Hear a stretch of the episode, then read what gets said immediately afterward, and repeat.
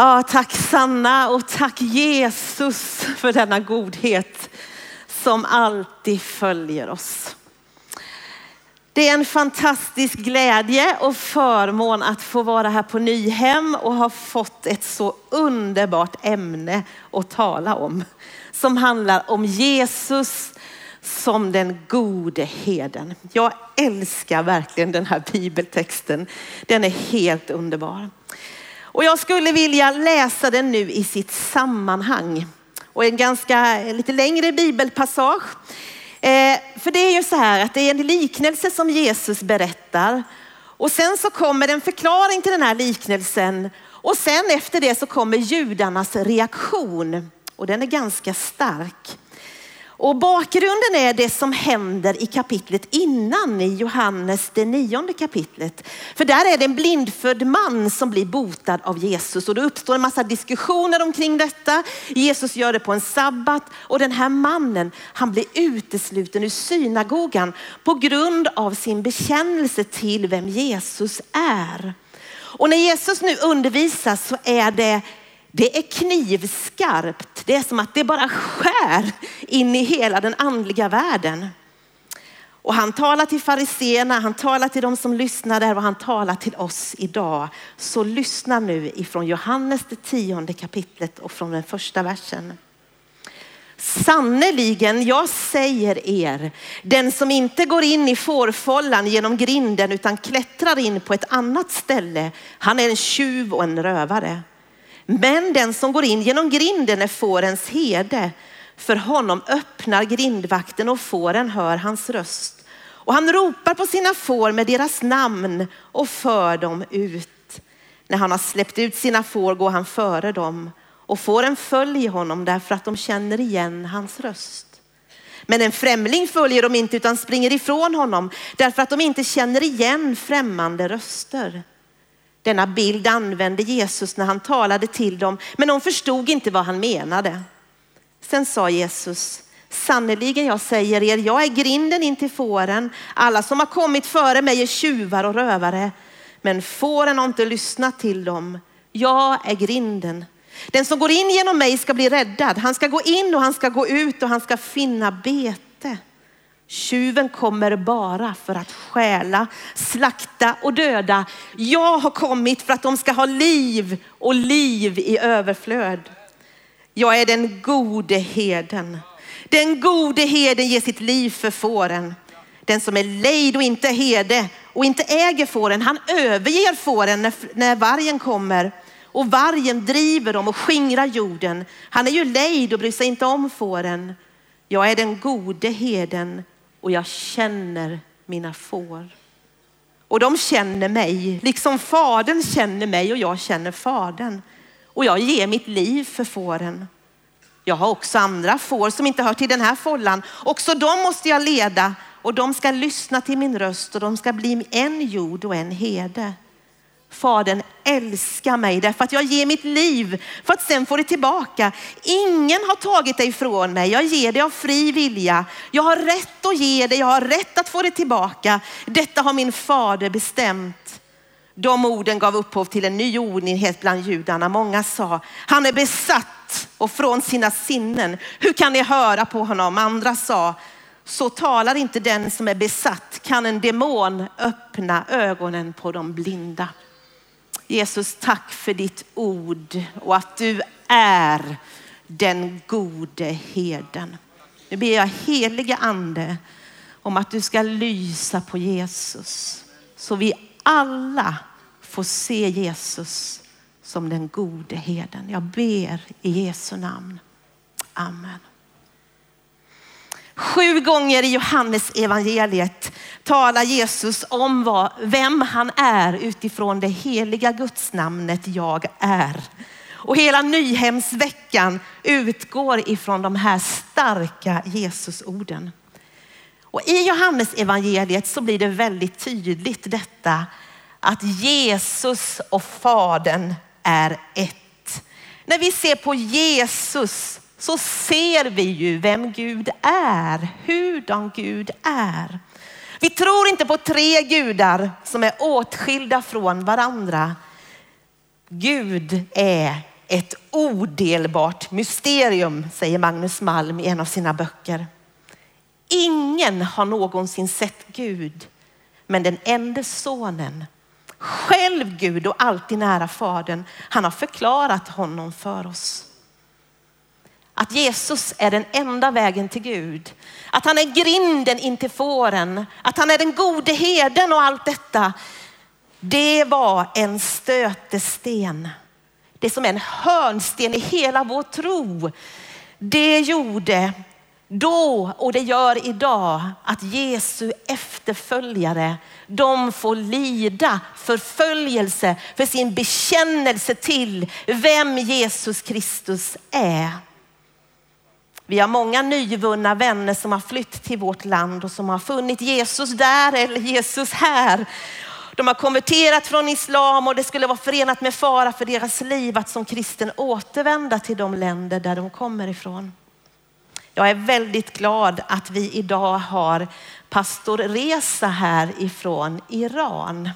Vill du vara vänlig och ställa dig upp, pastor Reza från Iran som bor i Georgien, som vet vad det är att vara svårt förföljd för sin kristna tro, men som ger sitt liv för att persisktalande ska nås och bli Jesu lärjungar. Välkommen. I eftermiddag kommer alla persisktalande att få undervisning på sitt språk i Stråkenhallen klockan fem. Det är fantastiskt att få följa det Gud gör i vårt land när det handlar om människor som kommer till tro, som bekänner Jesus som sin Herre med risk för sitt eget liv och de trakasserier och hot som följer med detta, denna tydliga bekännelsen. Men jag är benägen att hålla med C.S. Lewis som säger, det finns bara tre förhållningssätt när det handlar om de anspråk som Jesus gör om vem han är. Antingen är han en lögnare eller en ond bedragare som medvetet lurar andra. Eller är han galen eller sinnessjuk som tror att han är någon som han inte är. Människor har alltid trott att man har varit någon man inte är och de människor vårdas på sjukhus. Eller tredje alternativet, att han faktiskt är den han sagt sig vara. Att hans anspråk är sanna. Att komma dragande med att han är en profet, att han är en vishetslärare, att han är en fin människa. Det alternativet finns inte. Vem Jesus är, vilken bild vi har av Jesus är avgörande för hela vårt liv. Det är avgörande för hur vi ser på oss själva, hur vi ser på andra människor, hur vi ser på den värld vi lever i, hur vi ser på vår framtid, hur vi prioriterar vårt liv, hur vi ser på församlingen, hur vi ser på evigheten, hur vi ser på Jesus Kristus. Vår gudsbild är så oerhört avgörande. Är Jesus din gode herde? Det finns många faktorer som påverkar vår gudsbild. Saker vi har varit med om genom livet och det möter vi ofta i själavården. Och skulle du upptäcka eller ha upptäckt här under Nyhemsveckan att din gudsbild är skadad, den är trasig, så vill jag bara hälsa dig från den gode herden att han vill inget hellre än att återupprätta en trasig gudsbild. Han vill hela och läka det som har gått sönder. Det finns många faktorer som påverkar vår gudsbild. Föräldrarna är ju de första vi möter och de blir på något sätt en spegel för oss vem Gud är. Kärlek och omsorg eller brist på kärlek och omsorg blir någonting som vi gärna överför på den Gud är. Eller föräldrars närvaro eller frånvaro. Eller trygga föräldrar eller lynniga föräldrar. En del har vuxit upp med att få tassa på tå därför att man vet aldrig när vulkanutbrottet kommer. Och det har blivit samma bild av vem Gud är. Föräldrar som skulle stått upp för dig kanske har utsatt dig för svåra övergrepp. Vi minns alla, tror jag, lärare från grundskolan kanske. Vad de har gjort och vad de har sagt på gott och ont. Vi har också haft pastorer, vi har haft ungdomsledare som på olika sätt har gett oss bilder av Gud, vem han är. Vi har vuxit upp, kanske flera av oss, eller funnits i församlingsmiljöer. En del församlingsmiljöer har väldigt starkt fokus på, på känslomässiga upplevelser, erfarenheter av Gud. En del andra miljöer har mer fokus på intellektuell tro. Det här gör någonting med vår bild av Gud. Sånger och bibeltexter.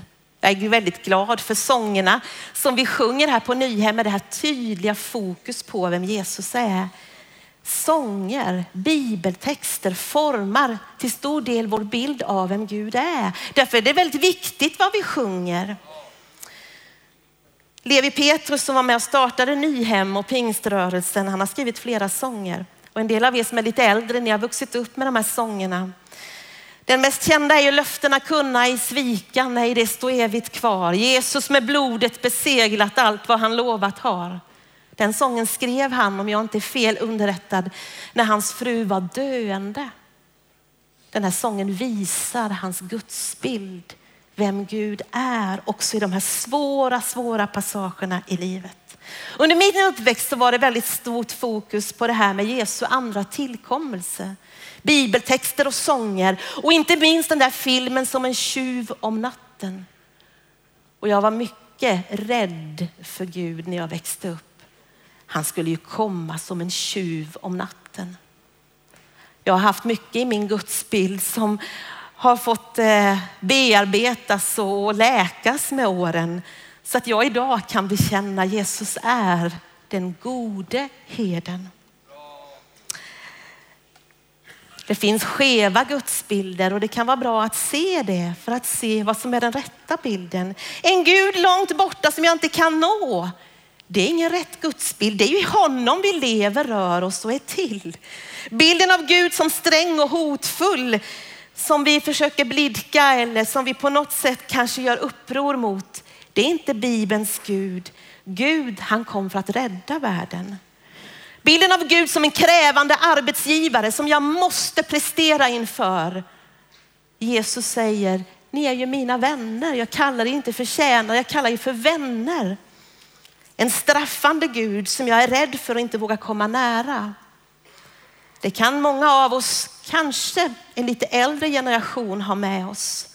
Jag märker den här gudsbilden idag. På vårt språkcafé för några veckor sedan skulle vi samtala om eh, ämnet känslor. Och vi skulle prata om vad gör mig glad, vad gör mig förvånad, vad gör mig rädd på enkel svenska. Och så satt vi i små grupper och så kom vi till frågan vad gör dig rädd?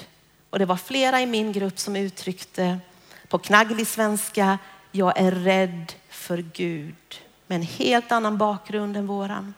Och så fick vi försöka tala om Guds bild på enkel svenska med hjälp av Google Translate. Vem är han? Eller en överslätande mamma-Gud. Det verkar som att många får med sig den där bilden idag därför att vi uppfostrar barn på ett helt annat sätt. Stressade föräldrar curlar med barnen och på något sätt så kan det bli den här guden som är överslätande, som man på något sätt rycker på axlarna åt. En slapp Gud som inte bryr sig. En konflikträdd Gud som inte står på min sida. En jultomte som kommer en gång om året. De hotfulla bilderna kan få oss att rygga tillbaka. Men de där slätstrukna bilderna kan få oss att rycka på axlarna. Vad finns det liksom för någon idé att följa en sån Gud? Men när Jesus säger jag är den goden heden så är det liksom skarpa ord, det tydliga ord, en tydlig bild. Heden som bild var klockren för den, eh, den målgrupp som Jesus talade till. Man visste mycket väl vad de här bilderna stod för. Hela gamla testamentet är fyllt av bilder av ledare som hedar och människor och folk som får. Mose och David, de hade börjat som hedar. Där hade de lärt sig sitt ledarskap och de fick leda stora skaror och var på många sätt goda hedar. En del av oss, vi har ju knappt sett ett levande får, än mindre en herde. Så de här bilderna är inte så enkla. Men jag har förmånen att få känna en fårherde som har varit, haft får i 44 år och vi har varit vänner under många år. Och när vi hade lysning, jag och min man, för 25 år sedan när vi skulle gifta oss. Nu är det inte så vanligt med lysning, vi har ju hindersprövning. Men vi hade lysning och då fick vi presenter, nämligen två lamm av de här vännerna. Det var inte så lätt som ni kanske förstår att ha de här lammen inne i lägenhet i Jönköping. Så mina föräldrar förbarmade sig över dessa lamm och så blev det grunden till att min far också började bli en herde för ett antal får. Så två goda exempel har jag sett väldigt nära på vad det innebär att vara herde för en stor mängd får. Herdar som har varit det på det bästa tänkbara sättet. Hedens uppgift är väldigt krävande och den var än mer krävande när det här skrevs. Heden skulle föda fåren, skulle leda dem, skulle vårda, skulle beskydda, skulle vakta. Det gjorde att heden måste vara stark, han måste vara hängiven, osjälvisk för att kunna ha den här uppgiften. Sen var det ingen hög status heller. Herdarna, de var ofta anställda, de ägde inte djuren. Det var ett tufft yrke i en svår terräng, för att inte tala om arbetstiderna. Det var arbete dygnet runt. Det var ett yrke som tvingade dem att vara borta från sina familjer. Så när Jesus tar den här bilden så är det liksom ingen högt uppsatt bild. Jag är den gode herden. I dagen så ställdes det eh, frågor häromdagen, i måndags tror jag det var, och då var det en, det var ungdomar som fick frågor om vem Jesus är. Och då var det en som heter Samuel Hargott, 20 år, som fick frågan, vad tror du Jesus menade när han säger att han är den gode herden? Då svarar han så här att Jesus är god hela tiden oavsett hur jag behandlar honom eller vad jag gör. Så är han alltid god mot oss. En del tror att Jesus är ond, men det är ett missförstånd. Då har de inte förstått hela grejen, Guds syfte med människan. Och jag tyckte det var väldigt bra svarat. Gud är god hela tiden. Hans godhet den pendlar aldrig beroende på dig och mig. Precis som att han är kärlek så är han godhet i sitt väsen. Så när den här blindfödde mannen i Johannes 9, Jesus blev beskylld, den här goda gärningen som Jesus hade gjort, han blev beskylld för att han var besatt av en ond ande när han hade helat den här mannen. Men Jesus är god allt igenom. Det fanns falska herdar och Jesus talar också om dem. De som inte brydde sig om fåren, de som eh, lät fåren svälta och lida nöd. Och typiskt för de falska herdarna var att de flydde när vargen kom för att rädda sitt eget skinn. Men vargen kunde då riva och skingra fårjorden. Falska herdar.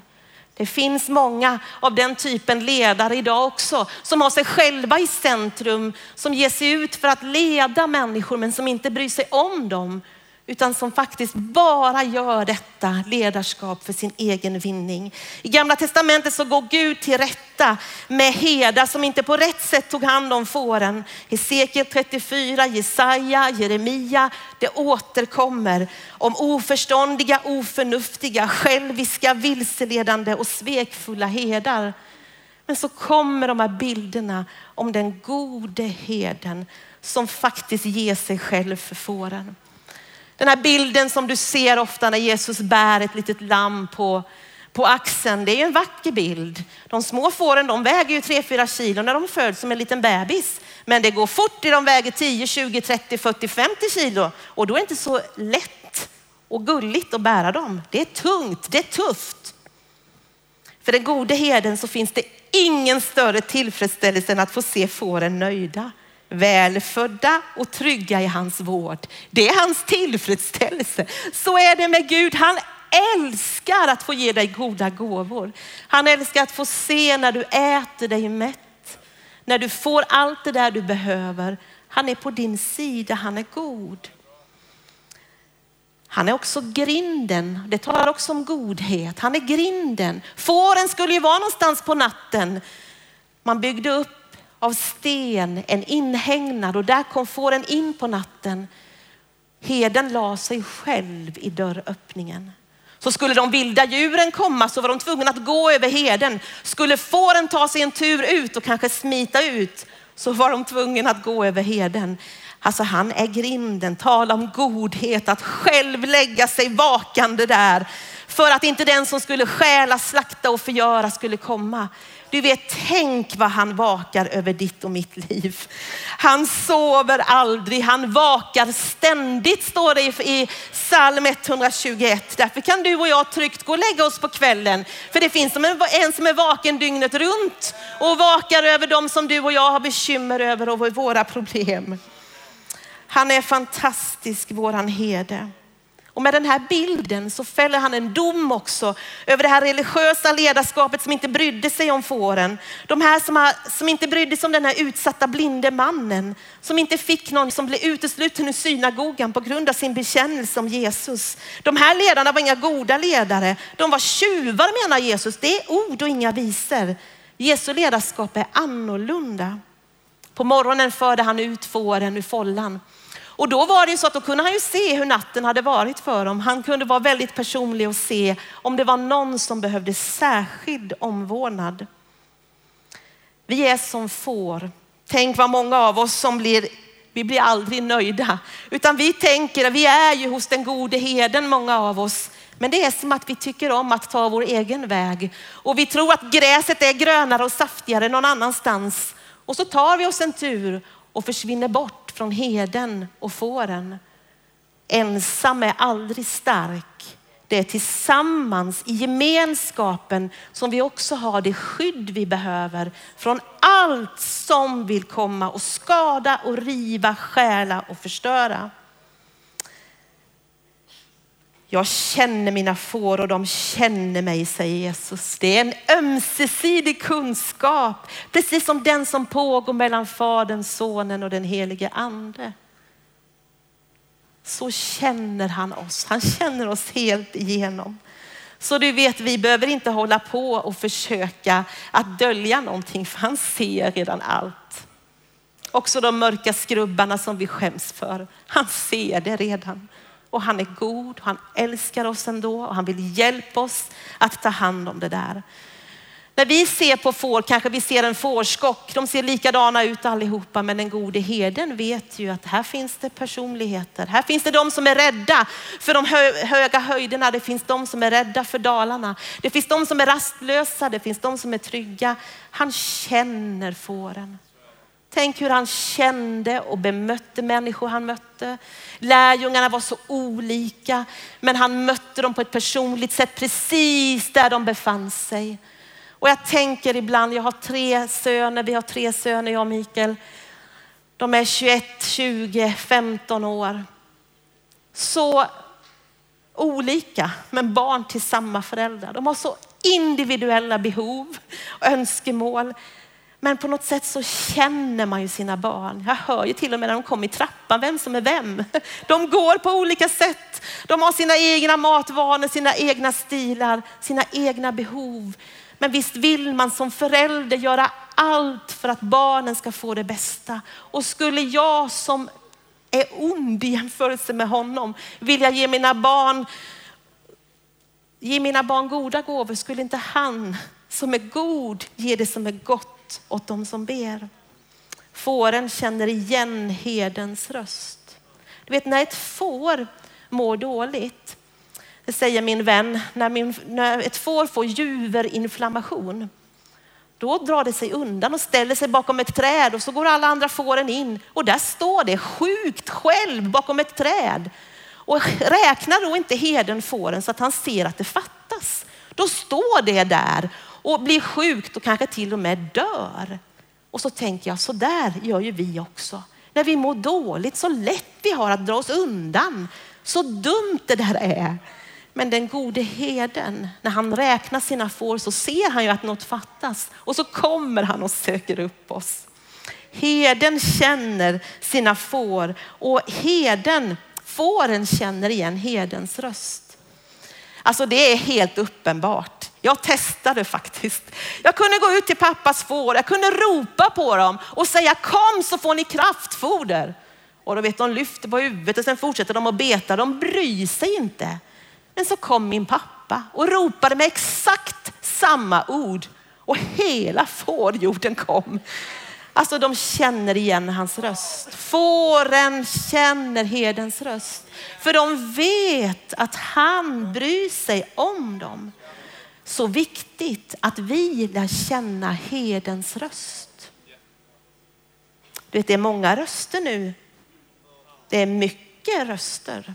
Och det är många som pockar på vår uppmärksamhet, som vill bli efterföljd, som vill få våra liv, vår tillbedjan, vår tid. Hur kan vi lära känna hedens röst? Ja, ibland behöver vi koppla ner allting. Bara vara med hans ord och andas in orden ifrån heden. Så vi lär oss urskilja hans röst bland alla röster. Det är så starka röster idag. Politiker, bloggare, artister, komiker, idrottsmän, religiösa ledare av olika slag. Men vad viktigt det är att vi lär oss att lyssna in. Finns den gode hedens röst i deras röster? Bara då är man efterföljansvärd. Känner du igen den gode herden i din förebild? Om inte så bör du fundera över om du ska lägga så mycket tid och kraft att lyssna och att följa. Jag vill ta er med nu till några passager i psalm 23. En underbart vacker beskrivning om hur Gud bryr sig om sina får. Salmen börjar med en bekännelse. Den är väldigt stark. När David som själv var herde, som hade erfarenhet ifrån sitt eget liv, gör sin stora livsbekännelse så är den hämtad ur hans egen erfarenhet och så säger han Herren är min herde. Mig ska inget fattas. Alltså det blev en för, för, förklaringsmodell för David av vem Gud är och vilka vi är i relation till honom. Den här salmen har miljontals, miljontals människor fått hjälp av att närma sig Gud, att navigera genom livets olika skiften. Och det är en psalm som vi ger varandra i olika livssituationer i livet. Ibland så är det liksom bara den där första strofen som vi får leva på i kanske veckor Herren är min herde, men ska inget fattas att hålla fast vid den där. Vet, han för oss i vall på gröna ängar. Det är herdens uppdrag och den gode herden, han för oss verkligen till gröna ängar och lugna vatten. Av naturen är fåren rädda. De lägger sig inte ner om de inte känner sig trygga. De kan inte koppla av om de känner att det är spänningar i fårflocken. Det är konflikter. Det är några som vill bevaka sina revir, då kan man inte vila. Känner ni igen det där? Vi bevakar våra revir, arbetsplatserna, kollegorna, allt det där. Och så blir vi rastlösa, missnöjda, överkänsliga. Men du vet när heden kommer, då försvinner allt det där. Alltså herdens närvaro gör att det gör någonting liksom med vilan i hela flocken. Det där är väldigt viktigt att Jesus får vara i centrum i det vi gör. Det gör någonting med våra relationer. Vi kan lägga ner våra jämförelser därför att vi är ju ändå unika får allihopa. Så vi ska ju inte jämföra oss med varandra. Den gode herdens närvaro gör att fåren slappnar av. Om de är hungriga fåren, då kan de inte vila. Då är de ständigt på benen för att söka föda. Därför är det så viktigt att vi hörde igår att Jesus får vara livets bröd så att vi inte söker vår tillfredsställelse någon annanstans. Det behövs mindre vila idag, eller hur? Du vet, det är så lätt med de där rösterna, för de låter lite liknande. Inre vila för själen. Och så tror vi att allt det här liksom, det måste ha med Gud att göra. Men vad är källan? Vad är källan? Det är mycket mindfulness, det är mycket yoga, det är mycket sån här chakrabalansering, qigong och kundalini och allt vad det heter. Men vad är det för källa? Vad är det för källa? Vi ska vara försiktiga med vad vi öppnar våra liv för och låta Jesus Kristus få fylla oss så vi kan få vila och mat på djupet. Det där andra behöver vi avsäga oss och vi behöver fylla oss med det som är det goda levande brödet och vattnet. Heden vet. Vet, heden vet var vattnet finns. Det är livsnödvändigt att kroppen får vatten vatten. Om inte heden leder dem så börjar fåren att dricka ur förorenat vatten i dypölar som gör att sjukdomar och parasiter kommer. Vet heden vill leda dig till det friska vattnet. Och det är bara det som kan göra att du kan dricka dig otörstig. Det finns i det saftiga gräset på morgonen när daggen har fallit.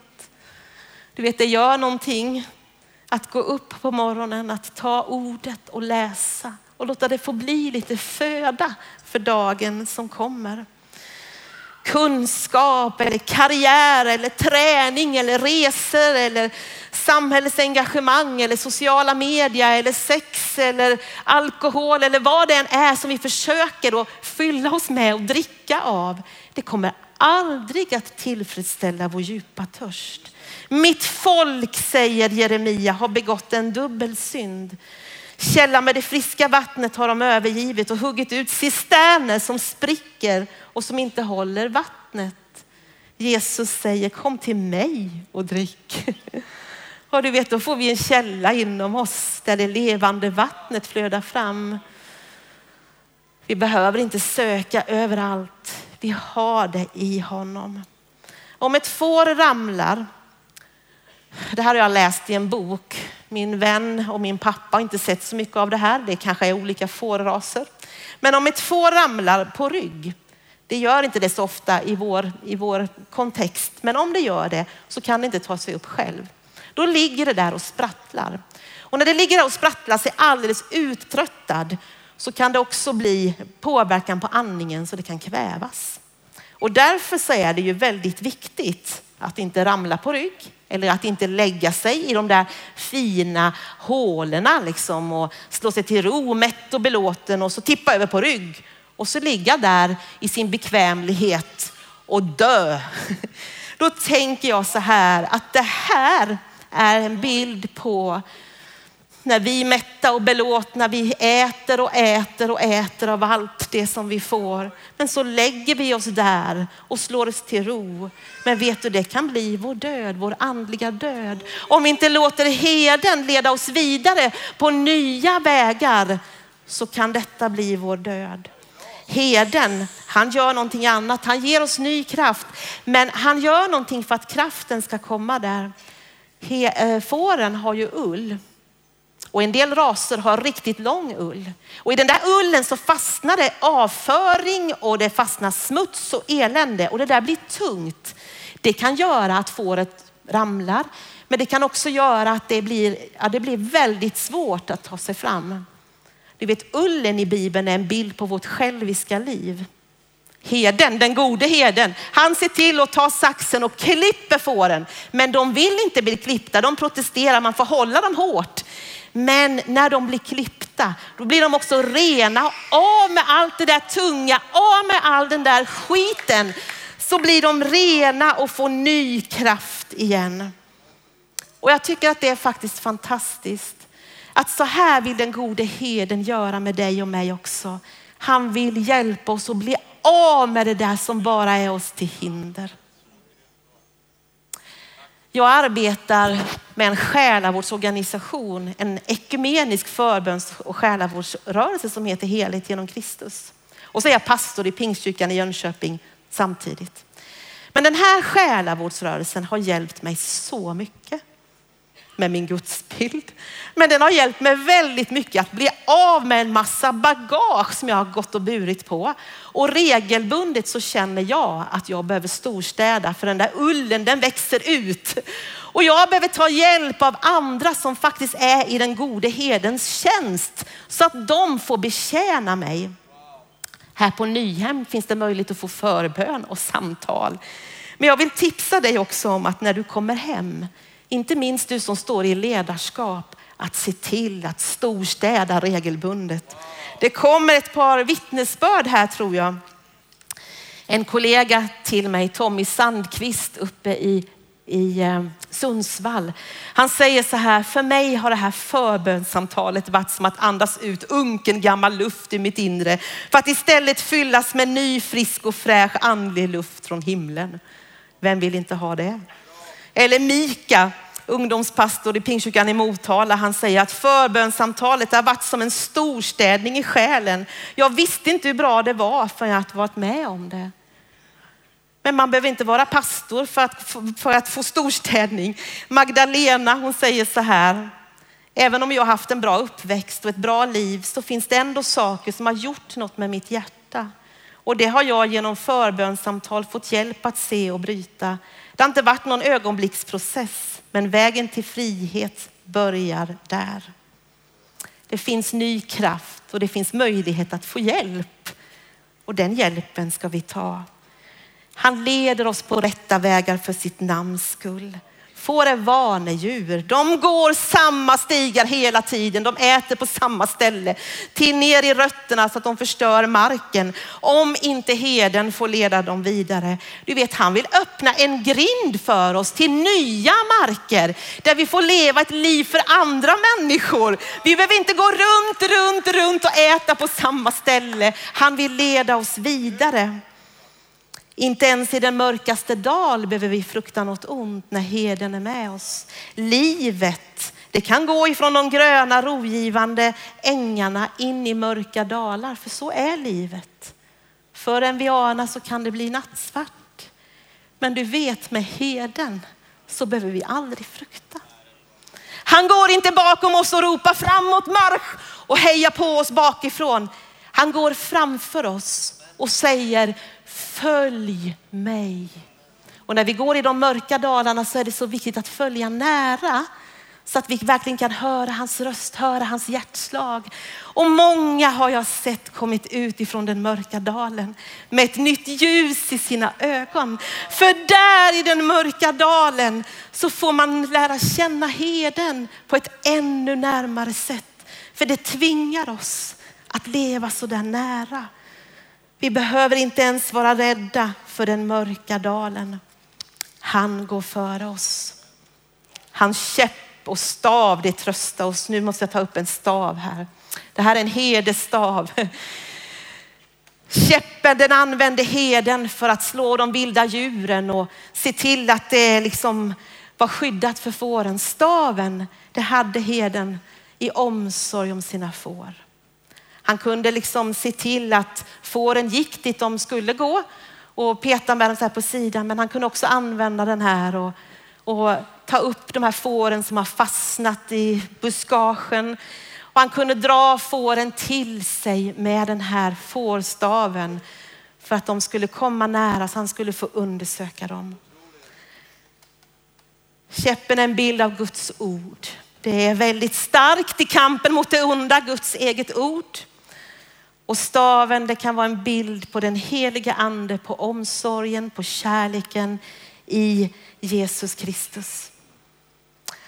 Vi får ta lite snabbt. Han dukar ett bord för oss i våra fienders åsyn.